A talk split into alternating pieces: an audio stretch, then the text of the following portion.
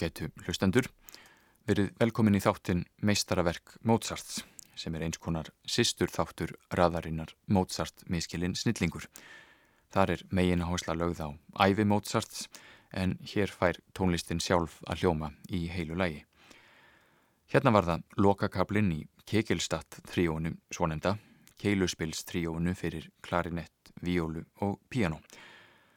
Nafngiftina má rekja til þess að talið var að Mozart hefði samið verkið meðan hann var í keilu en reyndar á súsaga við allt annað tónverk sem ekki er jafn innblásið og þetta og skildi engan undra. Hér voru það Martin Fröst, Antoine Tamistid og Leif Ove Ansnes sem leku. Fá einum mánuðum áður en Mozart samti Kegelstadt tríóið var óperan Brúkaup Figarós frumsýnd í Vínarborg við nokkuð góðar undirtektir þótt viðbröðin væru raunar fremur misjöfn. Yrkisefnið þótti eldfimt, samskipti digðugs þjónustufólks og sveikuls aðalsmanns, en óperutekstaskáldið Lorenzo da Ponte hafði reyndar fjarlægt neykslanlegustu kaplana úr upprunalega franska leikritiru. Við heyrum næst þrjár arjur og einn duett úr brúköpi Figarós. Fyrst er það Aria Figarós, Se vol ballare, Þá Arja Greifinjunar þar sem hún minnist liðina Gleðistunda, Dove Sono í Bei Momenti.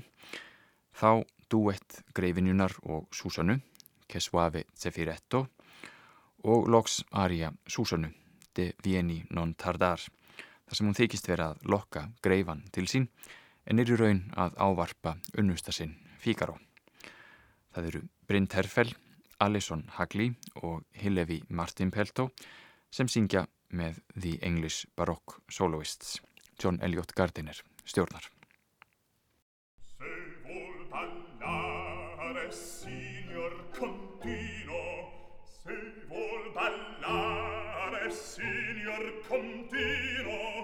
Il chitarrino le suonerà Il chitarrino